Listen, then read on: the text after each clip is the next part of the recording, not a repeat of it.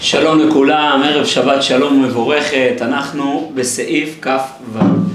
בעצם בסוף פרקי הבקשה של השקיפה ממעון קודשך, אנחנו אומרים כאשר נשבעת על אבותינו, ארץ זבת חלב ודבש.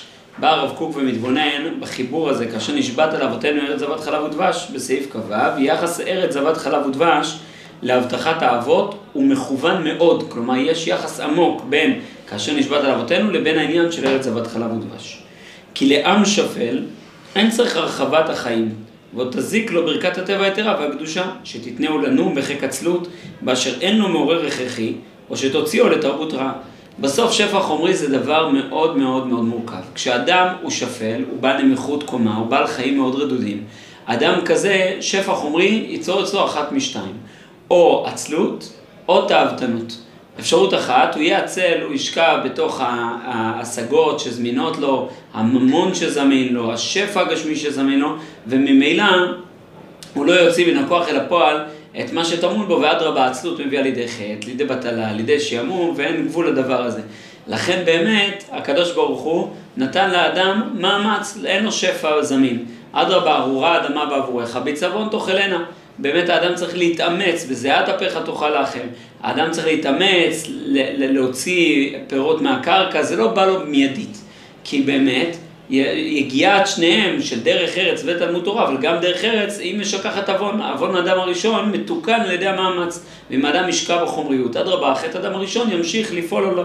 ולכן, באמת לאומה שפלה, אין מקום לדבר הזה. סיבה נוספת, זה בגלל שתוציאו לתרבות רעה.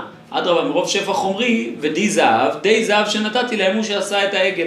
לפעמים שפע גשמי מאוד מאוד גדול, הוא עלול להביא אותם לחטא לא פחות מאשר עוני מאוד גדול. על זה אמר איוב, רש ועושר אל תיתן לי, לא רוצה להיות רש, לא רוצה להיות עני, ולא רוצה להיות עשיר ועושר.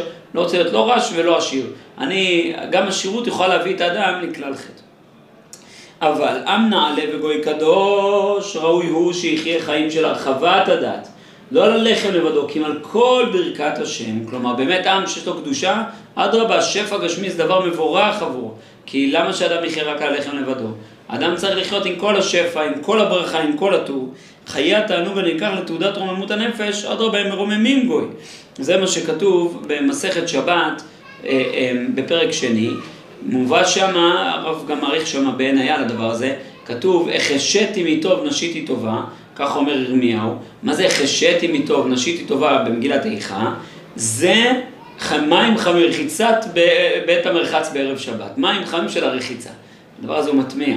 איך החשיתי מטוב, נשיתי טובה, אני בחורבן, ויתרתי על כל הטוב, אני הייתי אומר, אין לו לחם, אין לו אוויר לנשום. אומר הרב, לא, אתה רוצה סימן לגלות, מאבדים את התענוג.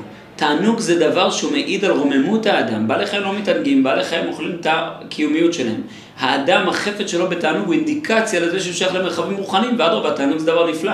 אבל כשהתענוג לא משפיל אותך לתענוג חומרי בלבד, אלא אדרבה, מעדן את כוחותיך, מרומם אותם לתענוג רוחני.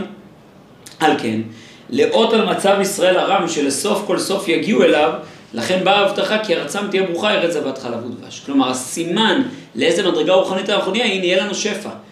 יש לך שפע, כנראה זה סימן שאתה יודע להשתמש בו נכון. ובזאת נתבשרו האבות שיהיו ביניהם אנשים רמי מעלה, שברכת השם הרוחנית תתגבר בהם על ידי חיי השלווה והעידון. כלומר, העידון והשלווה לא יביאו להם ירידה, אדרבה, יביאו להם רוממות, הרי שהיא ברכת עליון. אף על פי שבאשמת הדורות שהרעו בחירתם, נתקיימו בעוונותינו ואכל ושבע ודשן, הוא פנה אל אלוהים אחרים. כלומר, במשך הדורות ראינו שהדבר הזה לא התקיים בישראל. לפעמים ריבוי ההנאה שלו, שמנת, אבית, כסית. התענוג הוא זה שהפיל אותנו הרבה פעמים למקומות מאוד מאוד שפלים וחוטאים. מכל מקום, זאת מחלה עוברת. והתעכל הרע על ידי צירוף הגלויות וכור הצרות שעברו עלינו. כלומר, כל הרע יתבטל, יסור המידות הרעות מהטבע של האומה הישראלית. אבל הגוי שנוצר לגדולות יישאר על אופיו, להיות מלא זיו החיים. כלומר, הנטייה הישראלית להיות מלאים זיו החיים, להיות חיים מהירים ולא רק חיים קיומיים צורכיים, זה נטייה טבעית ישראלית טובה. וכשהעם ישראל ישתחרר מכל הרע שלו על ידי צירוף הגלויות, ממילא הוא יזכה לשוב להתענג בכל השפע של החיים. והעם הנוצר לחוכמה ודעת, להפיץ הוראה ובינה רבה בעולם, אי אפשר לו שיחיה חיים של צמצום באין דבר המרחיב את דעתו. על כן זבת חלב ודבש, היא גזרה להקיש על יתר נועם החיים, כפי הדרוש לנפש גדולה, של עם הוגה דעות ופונה רק למעלה. כלומר, זבת חלב ודבש זה סימן לתענוגות החיים. למי ראויות תענוגות החיים? לאדם שפונה למעלה. לאדם קדוש יש ערך לתענוגות החיים. לנסח יין לבקרונו של תלמיד חכם כמנסח על מזבח. מה הוא צריך יין? יין זה משמח את הנפש, בשביל מה צריך יין? זה לא צורך קיומי. כן, אבל אדרבה, לתלמיד חכם, בשבילו נברא יין, דווקא בשביל תלמיד חכם. שאנשים אחרים, כמו שאומר אומר, אומר המדרש במסע, במדרש רבה, בחומש ויקרא, בא ואומר אדרבה, היין מביא קללה, מביא יללה, מביא צרה, אבל לתלמידי חכמים הוא מביא ברכה, מביא רוממות מאוד גדולה. וכן אמרו חז"ל, מתיקה מרגלת את הלשון לתלמוד תורה, אדרבה, מתיקה לאכול מתוקים, זה חלק מעניין תלמוד תורה, כי זה העונג, זה עידון. על כן, יסוד ארץ זבת חלב ודבש שנשבעת על אבותינו, אינו מציין רק את הריבוי הכמותי של העושר החומרי, שעדיין אין בו מפורש היתרון של העם הצריך לברכה זו, כי אם היתרון האיכותי שתיתן טעם בפירות, כלומר שטעם נאה וערב מעדן את הנפש ומשמחה. כלומר, מה הברכה הגדולה? זה שיהיה הרבה פירות זה לא ברכה גדולה.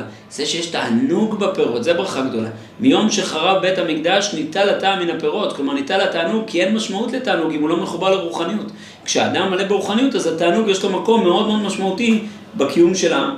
זהו דבר גדול ועיקרי בעם אשר פנייתו הייתה אדירה, היותר אדירה מכילה היא שלמותו הרוחנית. השכל וידוע את השם, שזאתי מגמת שבועת השם לאבות. זה בעצם השבועה לאבות, שיקום עם, שהוא ידע את השם, שהוא יגלה את השם בכל צד השם, ממילא יש מקום עבורו להתענגות והתעדנות החיים. ערב שבת שלום ומבורכת.